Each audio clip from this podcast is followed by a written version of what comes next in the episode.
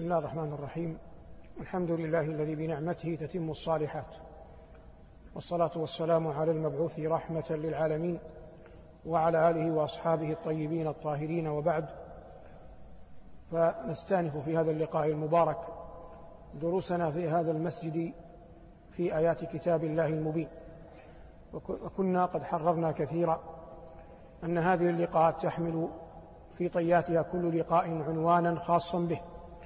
واليوم إن شاء الله تعالى سنتحدث في لقاءين متتابعين عن الإرث. فنقول مستعينين بالله جل وعلا الإرث انتقال شيء من شخص إلى شخص أو من قوم إلى قوم. هذا في حالة الحياة الدنيا. ويكون حسا ويكون معنى. وبكل جاء القرآن. ففي لقائنا الأول سنتحدث عن الموروثات الحسية غالبا. أما الموروث الموروثات المعنوية غالبا. أما المال فنفرد إن شاء الله تعالى له لقاء آخر مستقلا. نتكلم فيه إجمالا عن أحكام المواريث والفرائض على ما جاء به القرآن. ثم الآن كما جرت العادة نبدأ بالآيات التي ذكر الله جل وعلا فيهن لفظ الإرث. قال ربنا في سورة الأنبياء وزكريا إذ نادى ربه رب لا تذرني فردا وأنت خير الوارثين فاستجبنا له ووهبنا له يحيى وأصلحنا له زوجا. زكريا أحد أنبياء بني إسرائيل العظام عليه السلام. وقد مكث دهرا طويلا لا يولد له.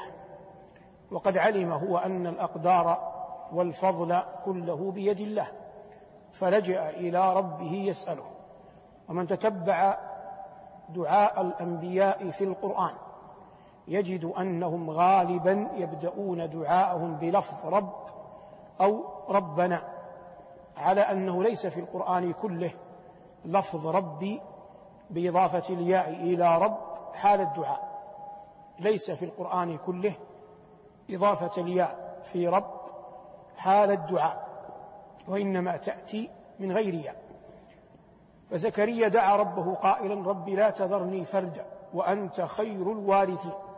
ونحن حديثنا ليس عن الأنبياء إنما حديثنا عن لفظ الإرث. فما معنى وأنت خير الوارثين أجمل ما قيل فيه أو أكمل ما قيل فيه المعنى أنت خير من يبقى بعد كل من يموت أنت خير من يبقى بعد كل من يموت قال له العلم والمعنى من الآية إجمالا أنني أعلم يا ربي أن دينك لن يضيع ولو مت أنا قبل أن يرثني أحد لأنه كان قائما بالإمامة والنبوة في بني إسرائيل. وأجمعوا على أنه لم يكن يريد الولد لنفسه لذاته. وهذا ظاهر القرآن والعلم عند الله لكنه بقدر الله رزق يحيى. لكن يحيى مات في حياة أبيه. لكن يحيى عليه السلام مات في حياة أبيه. ويجمع ما بين يحيى وزكريا عليهما السلام في سيرة نبينا عليه السلام أنهما من الأنبياء الذين التقى بهم رسول الله صلى الله عليه وسلم ليلة الإسراء والمعراج. ليلة الإسراء والمعراج لقي يحيى لكنه لم يلقى زكريا. لقي يحيى بن زكريا مع عيسى بن مريم. هذه الآية الأولى. من الآيات التي ذكرت فيها لفظ الإرث قول الله جل وعلا إنا نحن نرث الأرض ومن عليها وإلينا يرجعون. إنا نحن نرث الأرض ومن عليها وإلينا يرجعون. وهذه في سورة مريم. قال أهل العلم إن إن هنا تفيد أن هذا أسنده الله إلى ذاته العلية وليس إلى أحد من جنده. نرث الأرض كان كافيا في فهم المراد لكن الله عطف فقال ومن عليها ومن وفق تعبيرات النحويين واستعمالاتهم تفيد تدل على العاقل فحتى لا يتوهم أن عاقلا أيا كانت قوته أيا كان جبروته يمكن أن يبقى عامرا. قال الله جل وعلا إنا نحن نرث الأرض ومن عليها من العقلاء ومن غير العقلاء والمعنى لا يبقى عامر كل شيء يهلك ويموت. إنا نحن نرث الأرض ومن عليها وإلينا تفيد الحصر لأنها جاءت قبل الفعل. ما قال ويرجعون إلينا؟ قال وإلينا يرجعون. والمعنى لا يرجعون إلى غيرنا. ليس مآلهم إلى أحد من جبابرة الدنيا ولا من ضعفائها. ليس لهم مرد إلا إلى إلا إلى الله. وبعض أهل العلم يقول في تعبير حسن يردون إلى الله في الدنيا معنى ويردون إلى الله جل وعلا في الآخرة حسا. والمعنى أن الميت يقبر وهذا أمر متفق عليه فهو لم يعد في الدار الآخرة بأنه في على عرصاتها لكن أمره ما تركه ما خلد ما أبقاه أمره إلى الله. يضع الله جل وعلا ما كان يملك ذلكم الرجل حيث ما يشاء. ثم إن الكل يعودون إلى ربهم يوم القيامة يوم يقوم الأشهاد ويحشر ويحشر العباد وإلينا يرجعون. والآية في مجملها تدل على عظمة ربنا تبارك وتعالى. من الآيات التي ورد فيها ذكر الإرث قول الله جل وعلا ولقد كتبنا في الزبور من بعد الذكر أن الأرض يرثها عبادي الصالحون. ولقد كتبنا في الزبور من بعد الذكر أن الأرض يرثها عبادي الصالحون. والآية في سورة الأنبياء في خواتيمها. والمعنى اختلف العلماء في المراد بقول الله جل وعلا الأرض.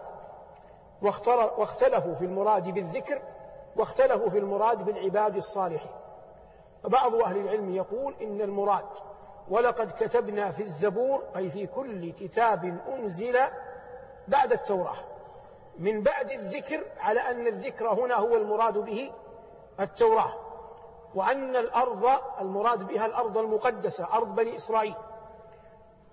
أرض الأرض المقدسة أرض الشام. يرثها عبادي الصالحون أي بنو إسرائيل. وهذا القول قول لكنه مرجوح جدا فيما يغلب على الظن.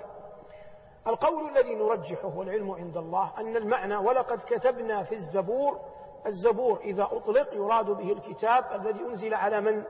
على داود. قال ربنا وآتينا داود زبورا. يراد به الكتاب الذي أنزل على داود. من بعد الذكر فأصبح الكتابة في الذكر مقدمة على الكتابة أين؟ على الكتابة في الزبور. الذكر هنا يراد به اللوح المحفوظ. الذكر هنا يراد به أم الكتاب اللوح المحفوظ.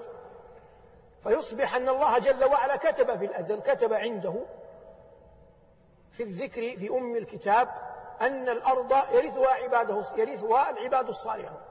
ثم هذا الذي كتبه الله في الذكر ضمنه في الزبور. أي ذكره الله جل وعلا في الزبور. وقلنا إن الزبور هو الكتاب الذي أنزل من على نبي الله داود. أن الأرض قال بعض أهل العلم الأرض هنا الجنة. وهذا قول الأكثرين أن الأرض المراد بها الجنة. واحتجوا بآيات في هذا الباب قال الله جل وعلا وقالوا الحمد لله الذي صدقنا وعده وأورثنا وأورثنا الأرض نتبوأ منها حيث نشاء. فأخبر جل وعلا أن الأرض هنا أرض الجنة. هذا قال به كثير من العلماء أن المراد أن العباد بصلاح أعمالهم بتوفيق من الله ورحمته يرثون الجنة. أولئك أولئك هم الوارثون. وقال جل وعلا يرثون الفردوس وأخبر جل وعلا أن الجنة تورث وقال عن دعاء الخليل واجعلني من ورثة جنة النعيم. فهذه الآيات وما جاء في معناها دليل على من قال إن المراد بالأرض هنا أرض أرض الجنة. وقال آخرون إن الأرض ليست معينة وإنما المراد أرض الكفار. والأرض عموما أن الله كتب الغلبة لأوليائه ولعباده الصالحين واستدلوا بقول الله جل وعلا ولقد سبقت كلمتنا لعبادنا المرسلين إنهم لهم المنصورون وإن جندنا لهم الغالبون. وما في أمثالها من الآيات.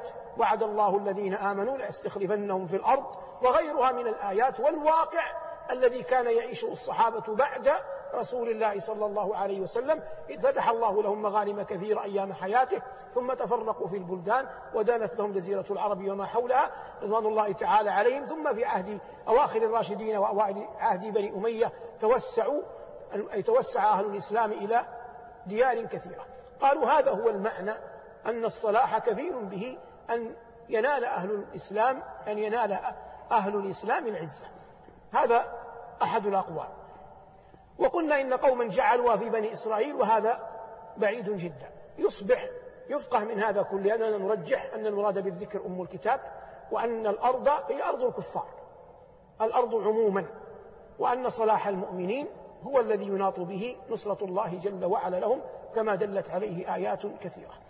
مما ذكره الله جل وعلا في آيات المواريث قول الله جل وعلا وورث سليمان داود وكلا من سليمان وداود من أنبياء بني إسرائيل.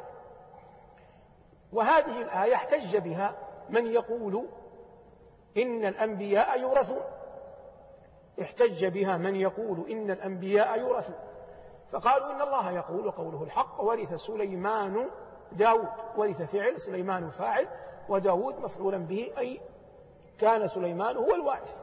وقالوا إن سليمان ابنا لداود وهذا متفق عليه. لكن الآية قطعا ليس فيها حجة لهذا القول. ليس فيها حجة لهذا القول. لما ليس فيها حجة؟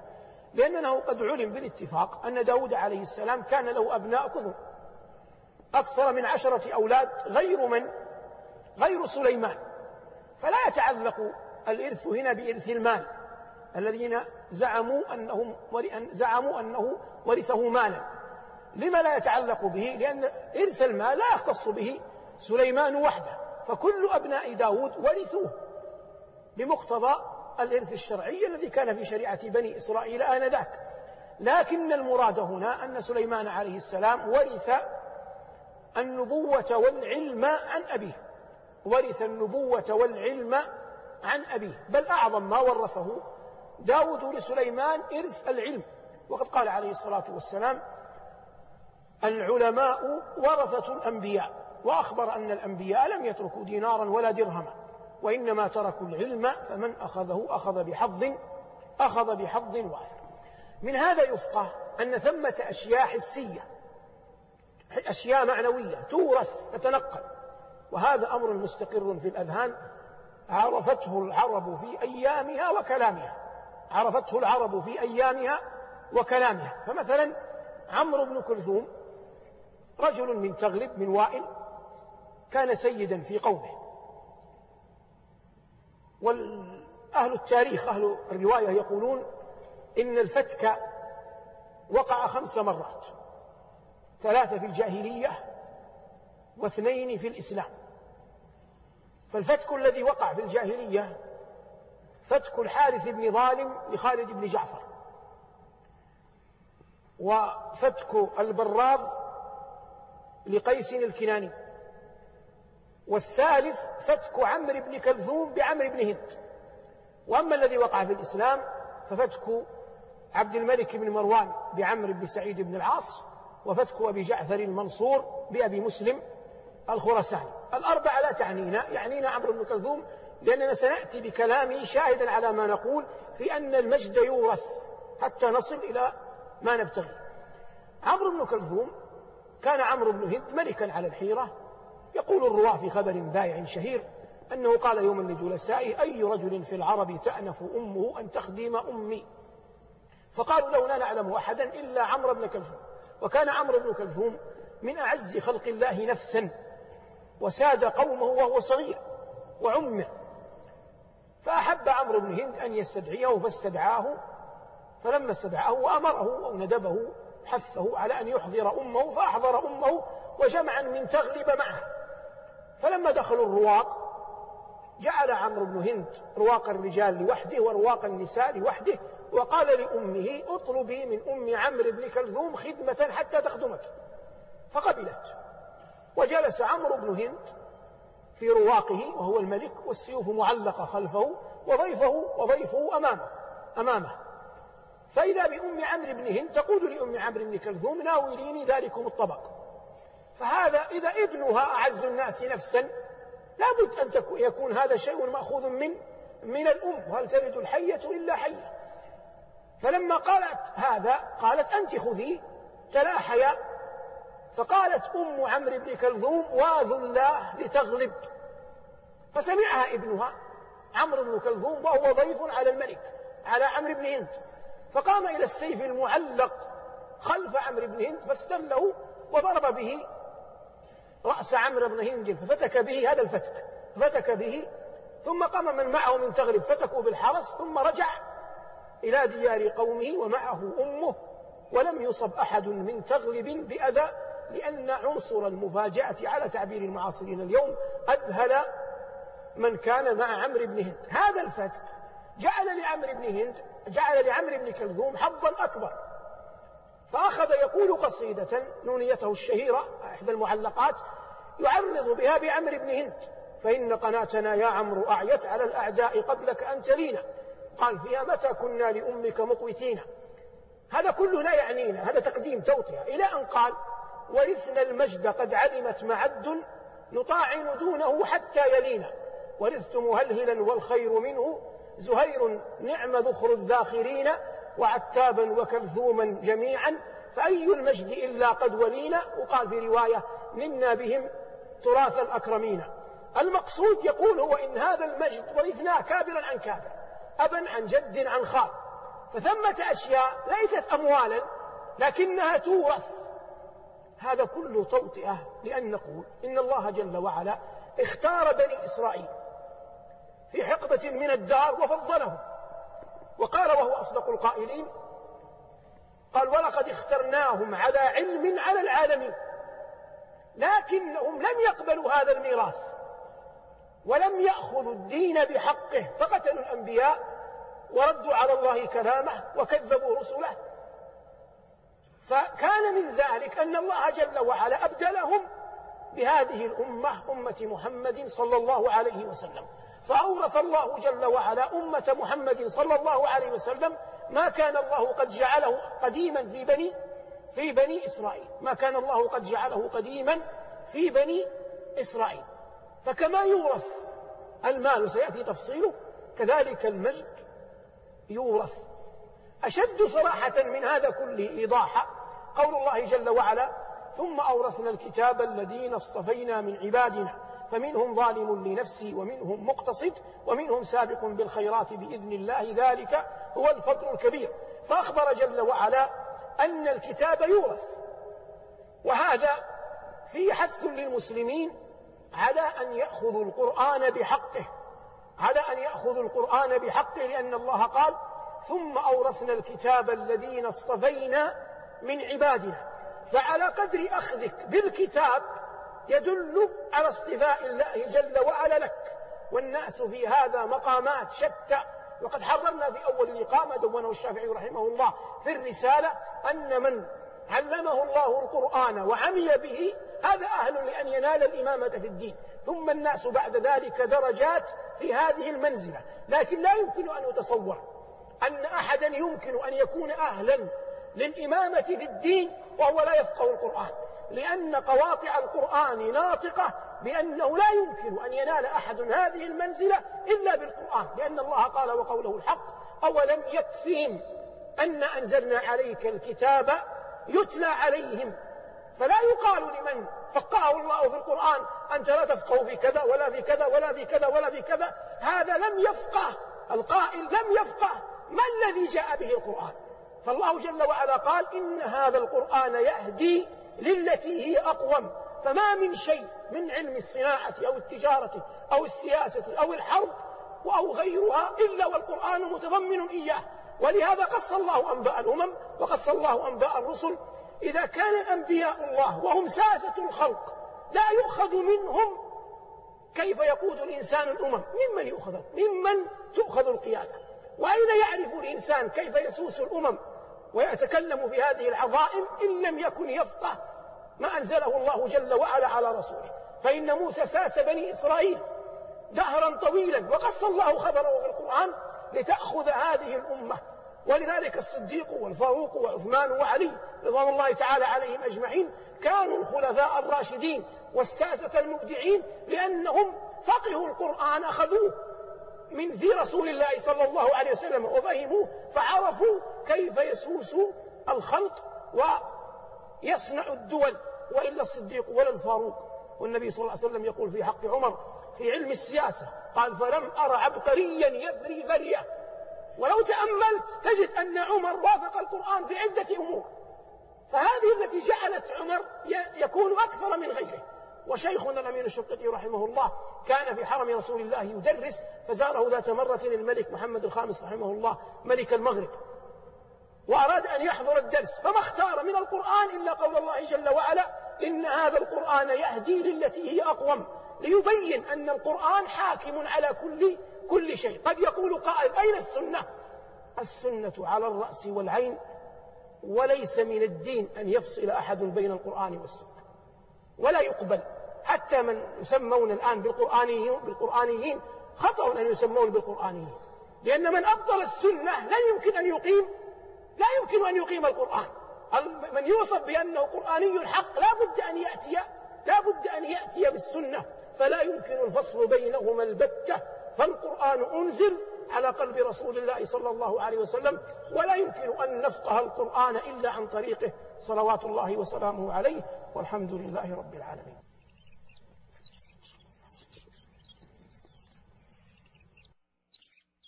الله أكبر الله أكبر لو أنزلنا هذا القرآن على جبل لرأيته خاشعا متصدعا من خشية الله وتلك الأمثال نضربها للناس لعلهم يتفكرون.